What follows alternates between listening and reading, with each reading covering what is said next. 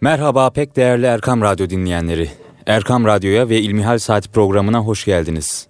Ben Deniz Huzeyfe Dalmaz ve değerli Ahmet Hamdi Yıldırım hocamla yine bir çarşamba sabahında siz değerli dinleyicilerimizin huzurundayız. Hepinize hayırlı, huzurlu, güzel bir gün diliyoruz.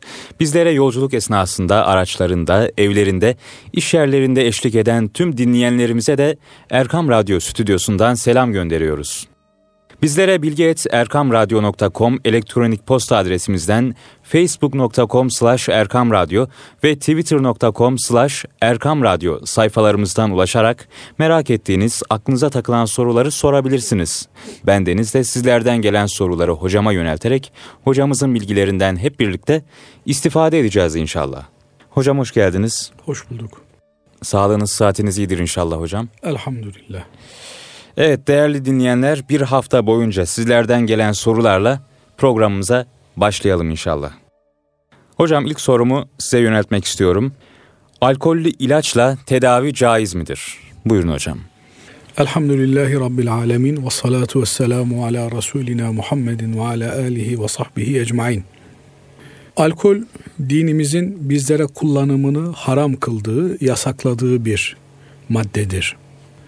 Dolayısıyla Allah Azze ve Cel bir şeyi yasaklamışsa bu yasağın bize dönük hikmet cihetlerine bakmamız lazım gelir. Evet Bu noktada Hz. Peygamber sallallahu aleyhi ve sellem Efendimiz Allah sizin şifanızı size haram kıldığı şeylere koymamıştır buyurmaktadır.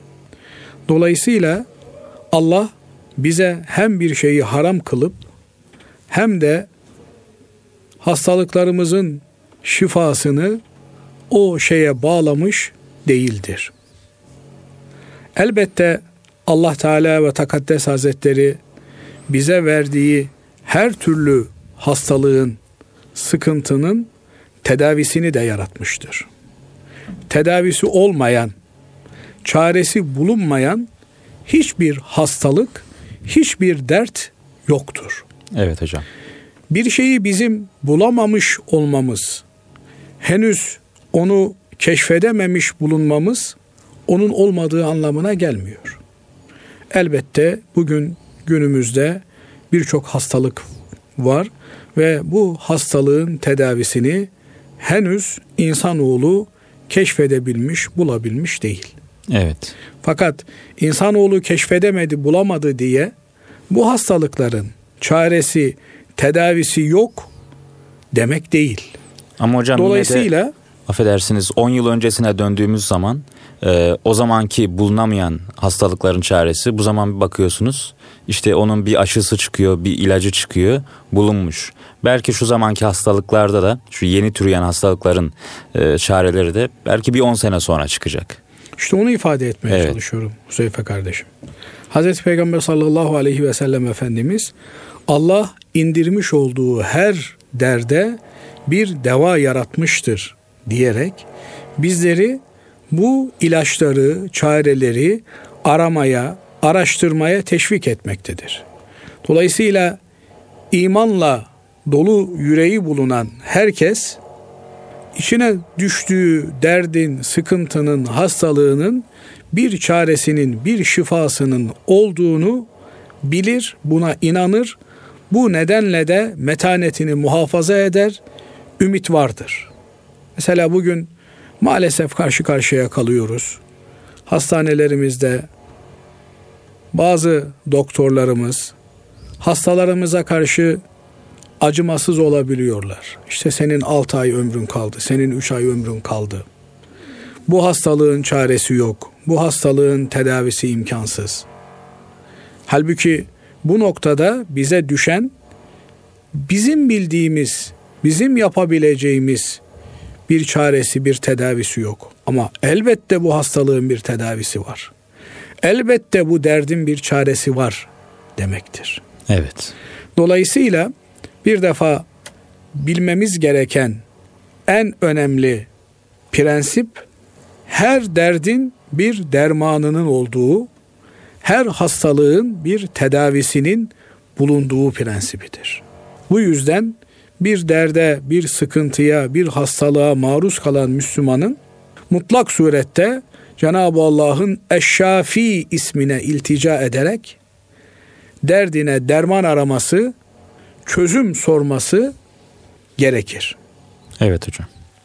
Fakat bizim çaresini bulamadığımız, dermanını bulamadığımız hastalıklara karşı bugün tıp dünyasında uygulanan ağrıyı dindirme, ağrı hissetme mekanizmasını dumura uğratma. Yani insan vücudundaki programı sekteye uğratarak insanın ağrı hissetmesinin önüne geçme türünden bir uygulama var. Bununla ilgili olarak da ağırlıklı olarak alkolü veya diğer sakinleştirici, uyuşturucu maddeleri kullanmaktadırlar. Veya alkol ilaçlarda bir takım maddelerin çözümlenmesi için çözelti olarak kullanılmaktadır. Yoksa alkolün bizatihi bir şifa olması, bir derde, bir hastalığa çare olması söz konusu değildir. Nitekim Hz. Peygamber sallallahu aleyhi ve sellem Efendimiz de Allah size haram kıldığı şeylerde sizin şifanızı yaratmamıştır demek suretiyle bu hakikati bizlere açık bir şekilde ifade etmektedir. Elbette ağrılar, sızılar, dayanılmaz çileler insana hem hayat kalitesini düşürmek hem de ağız tadını bozmak yoluyla bir takım sıkıntılar verirler. Bu ağrıların tedavi edilmesi en azından hissedilmeyecek hale gelmesi bir hasta hakkı olarak karşımıza çıkar. Yani kardeşim ağrıdır çekeceksin deyip insan ağrılarıyla baş başa bırakılmaz. Evet. Sonra herkesin ağrı eşiği de aynı değildir. Bir adam ağrılara daha üst derecede tahammül edebilirken bir diğeri tahammül edemeye bilir. Dolayısıyla eğer bir hasta amansız ağrılarına çare olmasını istiyorsa burada helal olan bitkilerin, ilaçların kullanılması suretiyle onun ağrılarının dindirilmesi cihetine gidilebilir. Fakat amansız ağrıları olan, kanserin son evresine gelmiş, dayanılmaz ağrıları olan bir kimse artık zaruret konumuna düştüğü için orada ona morfin verilmesi, uyuşturucu yapılması caiz hale gelir. Evet hocam. Çünkü başka bir alternatifi kalmamış.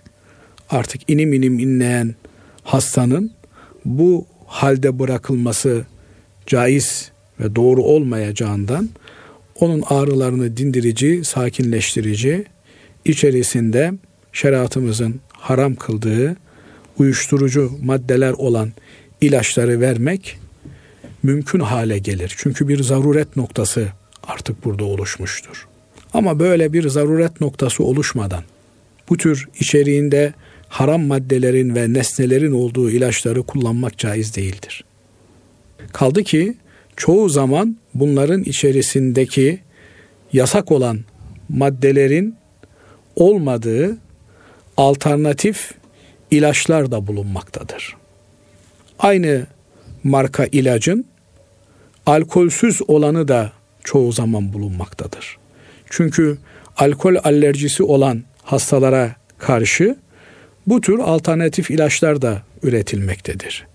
Binaenaleyh aldığı ilacın prospektüsünü okuyan bir Müslüman içerisinde eğer alkol olduğunu görürse derhal doktoruna müracaat ederek ben Müslümanım, benim alkollü bir ilaç almam doğru değil, mümkün değil.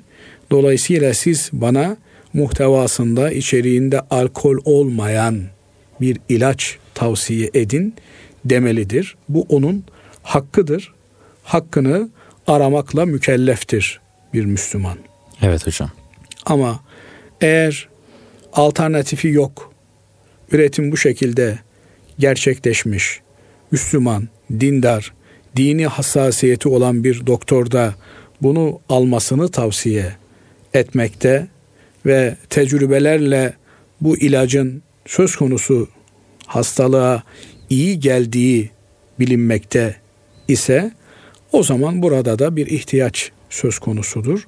Bu durumda da bu ilacı alabilir ancak unutmamak lazım gelir ki bu tür ihtiyaca mebni alınan nesneler aslında yasak olan şeriatımızın nehyettiği, men ettiği yiyecek ve içecekler ihtiyaç kalkmakla derhal bırakılması, terk edilmesi gereken şeylerdir ve ancak ağır bir ihtiyaç halinde tevessül edilebilecek olan durumlardır. Evet hocam.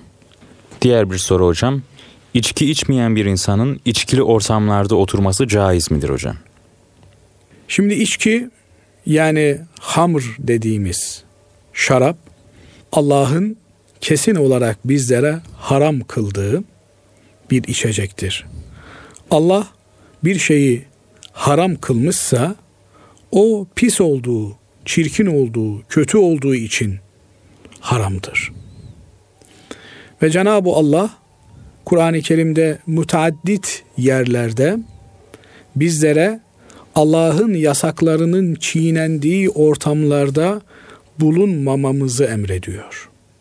Yani eğer bir yerde Allah'ın yasak kıldığı şeyler işleniyorsa, Allah'a karşı isyan varsa, Allah'ın emirleri takılmıyor, Allah'ın yasaklarına gereken saygı gösterilmiyor, laubali davranılıyor ise burada Allah'ın şeriatına karşı bir umursamazlık varsa orada Müslümanın oturmasını Allah yasak kılıyor. Dolayısıyla ben içmiyorum. Dolayısıyla bana ne milletin içtiğinden deme hakkı olamaz bir Müslümanın. Evet. Müslüman bencil olan bir insan değildir. Bu din sadece kendimiz yaşayalım, el alemi umursamayalım diye gönderilmiş olan bir din değildir. Bu din önce kendimize sonra en yakınımızdan başlayarak çevreye doğru herkese anlatmamız gereken, iletmemiz gereken bir dindir. Dolayısıyla eğer içki içmek yasaksa, haramsa onu ben içmediğim gibi içilen bir ortamda da bulunamam. Tek bir şartla bulunabilirim. O da kardeşlerim bu içtiğiniz Allah'ın haram kıldığı bir içecektir. Bundan uzak durun. Allah'ın laneti size bulaşmasın. Hz. Peygamber Efendimiz bu içkiyi içene de, servis edene de, taşıyana da, üretene de lanet etmiştir. Dolayısıyla bu lanet size gelirse sizin ne dünya ne de ahiret hayatınızın bir anlamı, bir manası kalır. Bundan uzak durun diye tebliğ etmek için böyle bir ortamda bulunur. He, bu tebliğini yaptıktan sonra, sözünü söyledikten sonra eğer insanlar onu dinlemiyorlarsa o zaman onlara diyeceği şudur. Buraya Allah'ın laneti yağıyor. Allah'ın lanetinin yağdığı bir yere bir Müslüman olarak benim girmem, orada bulunmam asla doğru bir şey değildir. Oradan derhal çıkmak durumundadır. Efendim işte bir iş toplantısı Çinlilerle görüşüyoruz, Japonlarla görüşüyoruz. Bu toplantıda olmazsak çok büyük maddi kayıplarımız olur vesaire filan. Bunlar şeytanın üflemeleridir. Kur'an-ı Kerim öyle diyor bize. Yaidukumul fakr. Şeytan size fakirliği söyler. Yani eğer öyle yaparsan, eğer bu kadar sen efendim ne bileyim hassas davranırsan bu ticareti yürütemezsin. Dünyanın kuralları böylesini gerektiriyor. Öbür türlü zarar edersin, iflas edersin. Aman ha sen iflas edersen bak 300 kişi çalıştırıyorsun.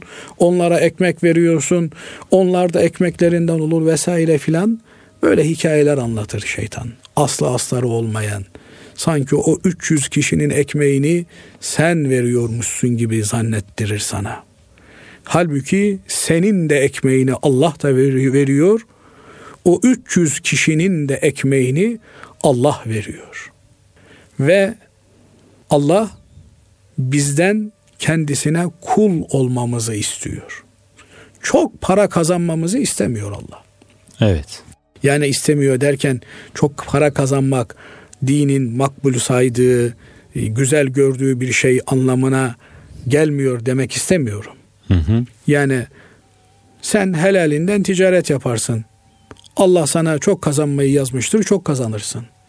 Hiç kazanmamayı yazmıştır, kazanamazsın. Dolayısıyla biz ticaretle, rızkımızı temin etmekle mükellefiz ve bunu yaparken de şeriatımızın ilkelerine, kurallarına bağlı kalmakla mecburuz. Kanaatkar olmak zorundayız. Yani kanaatkar dediğimiz rıza halinde olmamız gerekiyor. Yani takdirde ne varsa ona kanaat etmekle mükellefiz. Ama bazen sen istemediğin halde inadına inadına zenginlik gelir. Evet. Bazen çok istersin, sen istedikçe o kaçar. Yani bu senin istemenle, çırpınmanla alakalı değil. Binaenaleyh tekrar ifade edecek olursak. Evet hocam. Bizler Allah'ın bize emrettiği sayu gayreti, çalışmayı ve meşguliyeti yerine getirmekle mükellefiz. Bunu yerine getirirken de şeriatın helal ve haram çizgilerine de dikkat etme mecburiyetimiz var. Binaenaleyh eğer bir rızık içkili ortamlarda oturmak suretiyle gelecekse o bize helal olmaz. Çünkü haram üzerinden gelen bir kazanç bizlere helal olmaz. Evet hocam. Binaenaleyh bir Müslümanın kısa bir şekilde cevap verecek olursak Hüzeyfe kardeşim. Buyurun hocam. Bir Müslümanın içki içmesi haram olduğu gibi içkili bir ortamda bulunması da haramdır, yasaktır. Böyle bir ortamda çok istisnai durumlarda zaruret miktarı belki kalabilir. Onun haricinde bu ortamı terk etmesi gerekir. Evet hocam ahiret gününe iman ne demektir ve ahiret gününde olacak işler nelerdir diye bir soru gelmiş. Buyurun hocam. Evet uzun bir soru. Ahiret gününe iman, ahiret nedir? Nasrettin Hoca'ya sormuşlar kıyamet nedir diye. Küçük kıyamet mi büyük kıyamet mi demiş. Evet. Hayırdır demişler. Küçük kıyamet nedir büyük kıyamet nedir? Demiş ki küçük kıyamet hanımın ölmesidir demiş. Büyük kıyamet de senin ölmendir. Evet. Yani dolayısıyla ölümle beraber bizim için kıyamet başlıyor. Ama kıyamet kelimesi kelime olarak kame yakumu kıyameten ayağa kalkmak, dikilmek anlamına geliyor. Kıyamet de bizim e, örfümüzde, literatürümüzde dünyanın İsrafil aleyhisselamın sura üfürmesiyle son bulmasından sonra tekrar İsrafil aleyhisselamın sura üfürmesi ve ayağa dikilmesidir. Yani ahiretin, ahiret aleminin başlamasıdır. Ahiret alemi bu dünya aleminden çok farklı bir alem. O aleme ilişkin biz bilgileri Kur'an-ı Kerim'den ve Hazreti Peygamber sallallahu aleyhi ve sellem Efendimizin hadislerinden öğreniyoruz. Onun için bunlara gaybi bilgiler deniyor. Yani görme imkanımız, tecrübe etme imkanımız yok. Ahirete ilişkin bilgileri. Hani oraya gidip de geri gelmiş olan orada ne olup bittiğini bize anlatabilecek birileri de yok. Sadece Hz. Peygamber sallallahu aleyhi ve sellem Efendimiz o alemde nelerin olup bittiğini bizlere aktarabilmekte ve biz bilgilerimizi Kur'an-ı Kerim'den ve Hz. Peygamber sallallahu aleyhi ve sellem Efendimizin bilgilerinden öğrenebilmekteyiz. Ama kısaca ifade edecek olursak ki uzun bir konu. Evet, hatta hocam. keşke konu konu adım adım bunları e, işleyebilme imkanımız olsa. Mesela ölüm nedir? Evet. Ölüm neyi ifade ediyor? Ölüm bir yokluk mudur yoksa yeni bir başlangıç mıdır? Hocam haftaya ölüm konusunu işleyelim mi? İşleyelim inşallah. Peki. Belki e, bu konularla ilgili de uzun uzamaya konuşmak, özellikle de yakın zamanda bir yakını ölmüş olan kardeşlerimiz için de faydalı olur. Evet. Ölüm aslında bir başlangıç. Daha doğru bir ifadeyle şu içinde bulunduğumuz hayat yani kendimizi yaşayan canlılar olarak görüyoruz ya bu içinde bulunduğumuz hayat bir varlık halimi bir yokluk halimi. Kur'an-ı Kerim'e baktığımız zaman hemen Tebareke suresinin başında Cenab-ı Allah Ellezî halakal mevte vel hayate diyor. Ölümü ve hayatı yarattı Allah. Liyebluvekum eyyukum ahsenu amela. Sizin hanginiz daha güzel iş yapıyor? Bunu imtihan etmek için ölümü ve hayatı yarattı diyor. Yani burada önce zikredilen ölüm, sonra zikredilen hayat. Binaenaleyh buradan hareketle tefsir alimlerimiz diyorlar ki ölüm şu içinde bulunduğumuz haldir. Yani konuşuyoruz, duyuyoruz, yiyoruz, içiyoruz. Ölüm bu hal. Hayatsa işte o ahiret hayatı denilen hayattır. Çünkü bu imtihanın bir sınıfta soruların elimize verildiği zamanı var. Yani dershanede eline soru kağıtları veriliyor. 2 saat süren var deniliyor veya 1 saat 45 dakika süren var deniliyor ki Kur'an-ı Kerim bunu bir kuşluk vakti veya bir sabahtan akşama kadar ki vakit olarak tanımlıyor, gösteriyor, söylüyor. İşte bu elimizdeki imtihan vakti. Bir de sonuçların açıklandığı ona göre herkesin e, müstahakkını karşılığını aldığı yer var. İşte orası da ahiret hayatı. Yoksa bu dünya hayatı mücerret bir imtihan sahnesi olduğu için bu dünya hayatında göreceli olarak zaman zaman bir takım hikmetlere binaen karşılıklar verilse de asıl karşılık net karşılık ahiret hayatıyla veriliyor. Ölümle beraber bu perde kapanıyor, farklı bir perde açılıyor.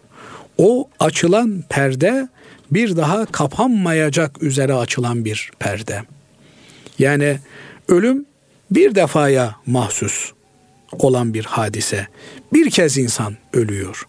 Öldükten sonra bir daha ölüm yok. Dolayısıyla bu noktada nasıl mesela her gece ölüyoruz. Evet. Çünkü Cenab-ı Allah öyle diyor. Huvellezî yeteveffâkum billeyl ve ya'lemu mâ cerahtum bin nehar. O gece sizi öldürür, gündüz ne yaptıklarınızı da bilir. Yani her gece bir ölüm senaryosu yaşıyoruz. Ruhumuz bedenimizden göreceli olarak ayrılıyor. Binaenaleyh gece rahat uyuyabilmek için yani o tabiri caizse müsaadenizle ona küçük ölüm diyelim. Evet hocam. Küçük ölümde rahat edebilmek için eğer ortam soğuksa ısıtıyoruz. Sıcaksa o zaman da klimaları çalıştırıyoruz. Ortamı serinletiyoruz ki rahat bir uyku uyuyalım diye. Ama bir de asıl ölüm kabre konulduğumuzda o daracık bir mekanda nasıl rahat edeceğiz? O kışın zemherir soğuğuyla, yazın kavurucu sıcakta nasıl biz ortamı yaşanabilir hale getireceğiz? Bunun endişesini taşımamız gerekiyor. Yani orada hemen münker ve nekir sorgu suale başlıyor. Bir hoş geldin faslı oluyor. Evet. Hani e, Necip Fazıl'ın dediği gibi Azrail'e hoş geldin diyebilmekte hüner diyor. İnşallah Cenab-ı Allah Azrail'de hoş geldin diyebilen, ahiret hazırlığını yapmış olan kullarından bizleri eyler. Amin. Ama kolay bir hadise değil. Çünkü bu öyle bir süreç ki Huzeyfe kardeşim herkese içinde bulunduğu sınıfın soruları soruluyor. Herkesin imtihanı farklı. Benim bir Ahmet Hamdi olarak imtihanım farklı. İşte ne bileyim 13 yaşında yeni ergenlik çağına adım atmış olan bir delikanlının imtihanı farklı. Bir 70 yaşında hoca efendinin imtihanı farklı. 70 yaşında namaza yeni başlamış bir Müslümanın imtihanı farklı. Herkesin imtihanı farklı. Yani dolayısıyla ona göre kolay, buna göre zor diye bir şey yok. Elbette 7. sınıfa giden bir çocuk için birinci sınıfın imtihanları kolay. Evet. Ama 7. sınıfta birinci sınıfın sorularını sormuyorlar. O 7. sınıfın sorularından imtihan oluyor. Üniversiteye giden bir kimseye üniversite düzeyinde imtihan yapılıyor. Doktora imtihanı ilkokul bilgileri üzerinden yapılmıyor. Dolayısıyla bu son nefes endişesi dünya hayatını iyi bir şekilde sonlandırabilme kaygısı hepimiz için aynı düzeyde söz konusudur. Evet. Efendim ben çok iyi bir Müslümanım. Beş vakit namazımı camide kılıyorum. Teheccüdümü karış kaçırmıyorum. Zikrimi, fikrimi yerinde. Her şeyimle mükemmelim. Yok böyle bir şey. Yani öyleysen o zaman senin soruların o düzeydeki bir sınıfın soruları oluyor. Evet. Dolayısıyla imtihan tehlikesi hepimiz için aynı seviyede. Birinci sınıfa giden bir insanın imtihanı da aynı derecede önemli. Efendim ne bileyim profesörlük tezini veren birinin imtihanı da aynı derecede önemli. Çünkü sorular fix sorular değil. Herkese kendine göre sorular soruyorlar.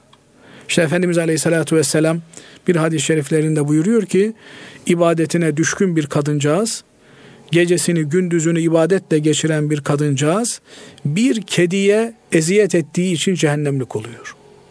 Kadın kediyi hapsetmiş, ne bırakmış dışarıdaki tabii yiyeceklerden yiyebiliyor kedi, ne de evde hapsedince kendisi yedirmiş evde. Kedicik açlıktan ölmüş.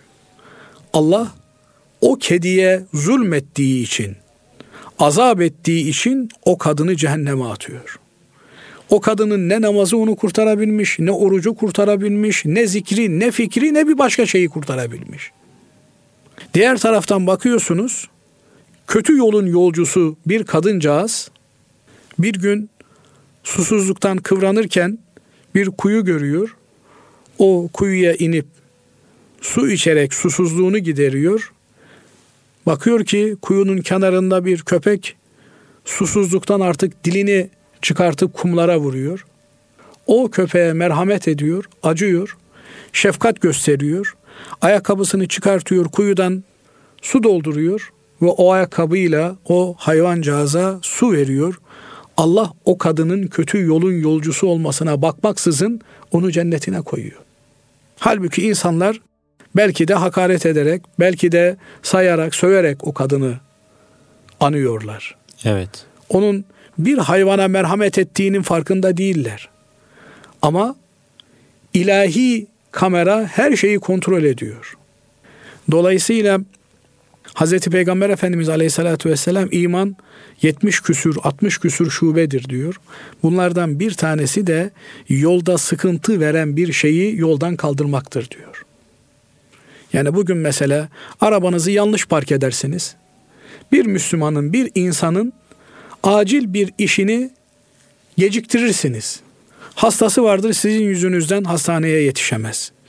İtfaiye aracı sizin yanlış parkınız yüzünden yangına yetişemez. Bakın ondan sebep ahiretinizi kaybedebilirsiniz. Ya olur mu böyle bir şey? Nasıl bu? Olur. Çünkü Hazreti Peygamber Efendimiz diyor ki iman 70 küsür bölümdür. Bunun en altı yolda sıkıntı veren bir şeyi kaldırmaktır diyor. Yani bunu kaldırmak iman şubesi ise buna sebep olmak da imansızlık şubesidir. Onun için arabanı nasıl park ettiğine dikkat edeceksin. Şimdi diyeceksiniz ki hoca herhalde bir park sıkıntısı yaşadı da bu aralar. Ondan sebep böyle bir konuya giriyor. Hayır evet. elhamdülillah. Yani o da trafikte sabırlı olmak o da ayrı bir mesele. Ee, ama bu nezaketi Müslümanın göstermesi lazım. Kimse görmüyor. Bana ne? Diyemez ki. Çünkü Hazreti Peygamber Efendimiz bunu direkt almış imanla alakalandırmış. Yani kimse görmüyor dediğin yerde Allah görüyor. Dolayısıyla bu nezaketi göstermek bizim imanımızın gereği. Buradan hareketle ahiret hayatı hiç öyle zannettiğimiz kadar kolay bir şey değil. Onun için Yunus'un dediği gibi gönül kazanmaya bakmak lazım. Gönül kazanmak bu dünyadaki en büyük kazancımız. Kardeşlerimizin sayısını çoğaltmaya bakmak lazım. Belki bu dünyadaki nesep akrabalığı öbür tarafta işe yaramayacak ama ahiret kardeşliği mutlak surette işe yarayacak. Onun için Kur'an-ı Kerim ahirete imanı ve bil yevmil ahirim son güne imanı hemen hemen Allah'a imanın geçtiği her yerde zikretmekte. Niye ahiret inancı önemli? Çünkü ahiret inancı olmayan bir insan bu dünyada ele avuca sığmayacak, zapturapt altına alınamayacak bir insandır.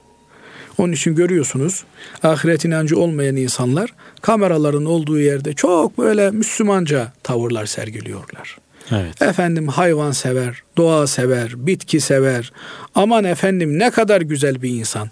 Kamera gidiyor. İşte ne acı şeyler görüyoruz, işitiyoruz.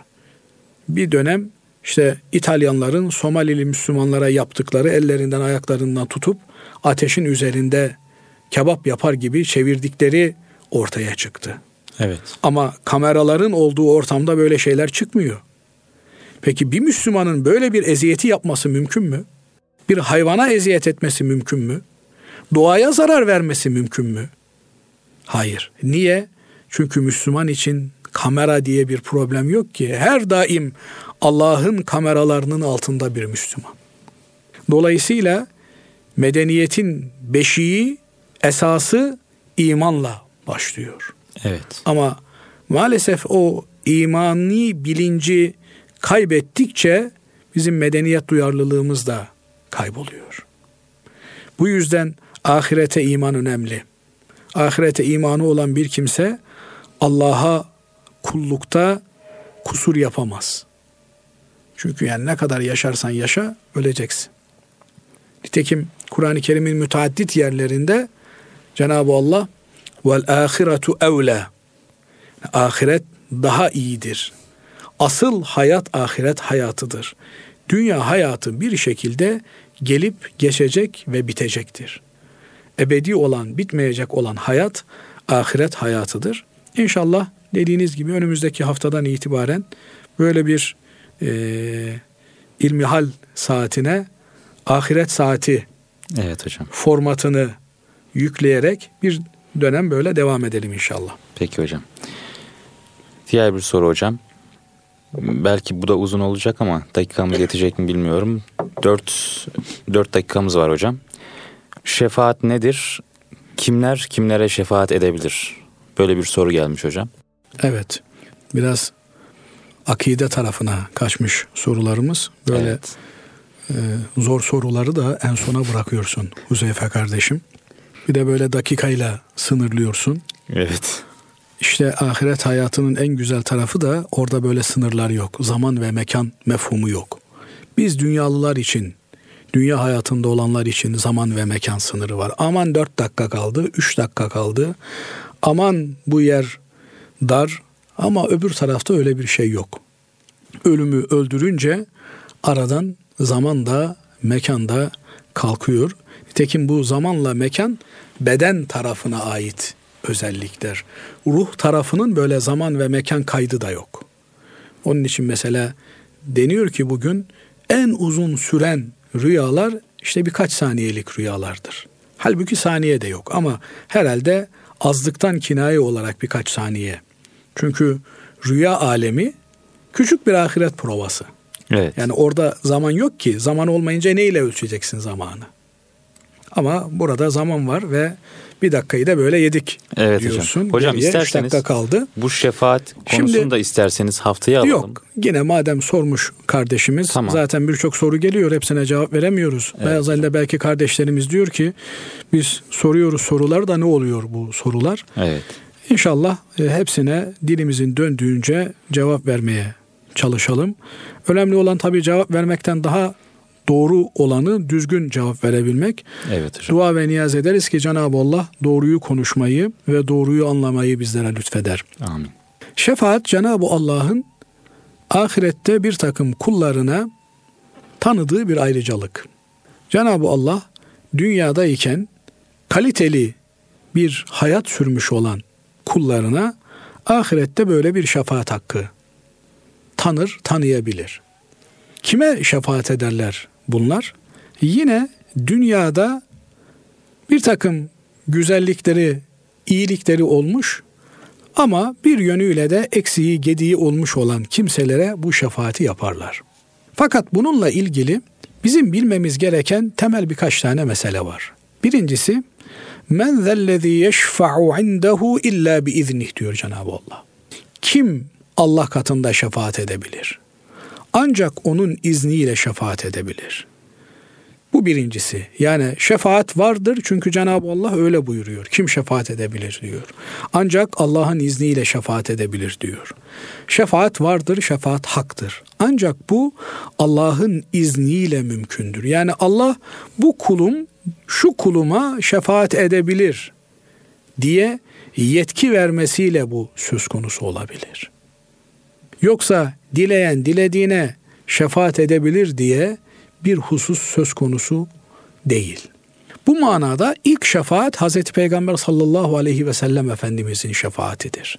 Çünkü kıyamet günü bütün insanlar kabirlerinden kalkıp da bir araya geldiklerinde, mahşerde buluştuklarında orada dehşetli bir ortam var. Bir belirsizlik var. La teşbih şöyle düşünün. Bir ülkede büyük bir savaş var, iç kıyım var. İnsanlar kaçmışlar, sığınmışlar bir bölgeye. Oranın ne tür bir bölge olduğunu bilmiyorlar. Yani düşman topraklarındalar mı, dost topraklarında mı bilmiyorlar. İnsanlar yığın yığın üst üste gelmişler. Terden nefes alamaz hale gelmişler ki evet. e, hadislerde bu manzara e, dehşetli bir manzara olarak arz ediliyor. Kimine güneş o kadar yaklaşmış ki bir mızrak boyu yaklaşmış. Kimine terleri dizlerine kadar ulaşmış. Kiminin terleri beline kadar ulaşmış. Dehşetli bir manzara. Bu manzarada tabi ayrıcalıklı olan işte Hazreti Peygamber Efendimiz hiçbir gölgenin olmadığı sadece Allah'ın gölgesinin olduğu bir ortamda yedi sınıf insanın özel bir muameleye tabi tutulacağını söylüyor. Hasılı kelam insanlar çok bunalıp darlanınca Adem Aleyhisselam'a gidelim diyorlar. O bizim babamız Cenab-ı Allah'a iltica etsin ve hesap başlasın diyorlar. Yani ne olacaksa olsun bir an önce. Artık öleceksek ölelim, kalacaksak kalalım deriz ya. Evet. O noktaya geliyorlar. Adem Aleyhisselam'a gidiyorlar. Adem Aleyhisselam diyor ki ben kendi işimle meşgulüm diyor. Sizinle uğraşacak ne halim var ne yüzüm var diyor. Derken işte o peygambere o peygambere gidiyorlar. En son Muhammed Mustafa sallallahu aleyhi ve sellem Efendimiz'e geliyorlar. Efendimiz aleyhissalatu vesselam bu şefaat talebini kabul edip Cenab-ı Allah'a iltica ediyor ve Hazreti Peygamber Efendimiz aleyhissalatu vesselam şefaati kabul olunmuş olan bir şefaatçi olduğu için ilk şefaati böylelikle gerçekleşiyor, hesap görülmeye başlanıyor. Böylelikle ilk şefaat tahakkuk ediyor ve artık hesap görülmek suretiyle cennetlikler cennete, cehennemliklerin cehenneme gidecekleri bir ortam başlamış oluyor. Bundan sonra Hz. Peygamber sallallahu aleyhi ve sellem Efendimiz hadislerinde buyuruyor ki benim diyor asıl şefaatim büyük günah işlemiş olan kimselere olacaktır. Yani Cenab-ı Allah imanı baki kalmak kaydıyla orada bütün kullarına bir vesileyle bir yolla merhamet ediyor. İman sarsılmaz bir şekilde baki kalmak kaydıyla Efendimiz Aleyhisselatü Vesselam'ın şefaatiyle ümmeti Muhammed'den şu kadar kimse cehennemlikken cennetlik oluveriyor. Evet. Bunun haricinde farklı rivayetler var. İnşallah bunun detaylarına ahiret alemini, ahiret ahvalini anlattığımız bölümde girmeye çalışırız. Ama bilmemiz gereken temel şey şu. Şefaat vardır. İki, şefaat sadece Allah'ın müsaade ettiği kimseler tarafından ve sadece Allah'ın müsaade ettiği kimselere yapılır. Onun haricinde kimse dünyada bir sürü günah işleyeceksin. Öbür tarafta da nasıl olsa biri bana şefaat eder kurtarırım diyeceksin diye bir şey yok. Biz Allah'a dua ve niyaz ederiz ki Hz. Peygamber sallallahu aleyhi ve sellem Efendimizin ve şefaati kabul olunan kimselerin şefaatine bizleri mazhar eylesin. Amin. En önemli şefaatçilerden biri de Kur'an-ı Kerim'dir. Kur'an-ı Kerim kendisini okuyan ve amel eden kimselere şefaat edecek. Bu bağlamda Kur'an'ı anlayan, okuyan ve amel eden kimselerden olmayı dua ve niyaz ediyoruz. Bu sözlerimizde inşallah değerli kardeşlerimize selam ederek programımızı bitirmiş olalım. Allah razı olsun hocam. Çok teşekkür ediyoruz. Değerli dinleyenler, sizlere de çok teşekkür ediyoruz. Bir sonraki programda yeniden Kalbinizin Sesi Erkam Radyo'da buluşmak ümidiyle hoşça kalın, Allah'a emanet olun.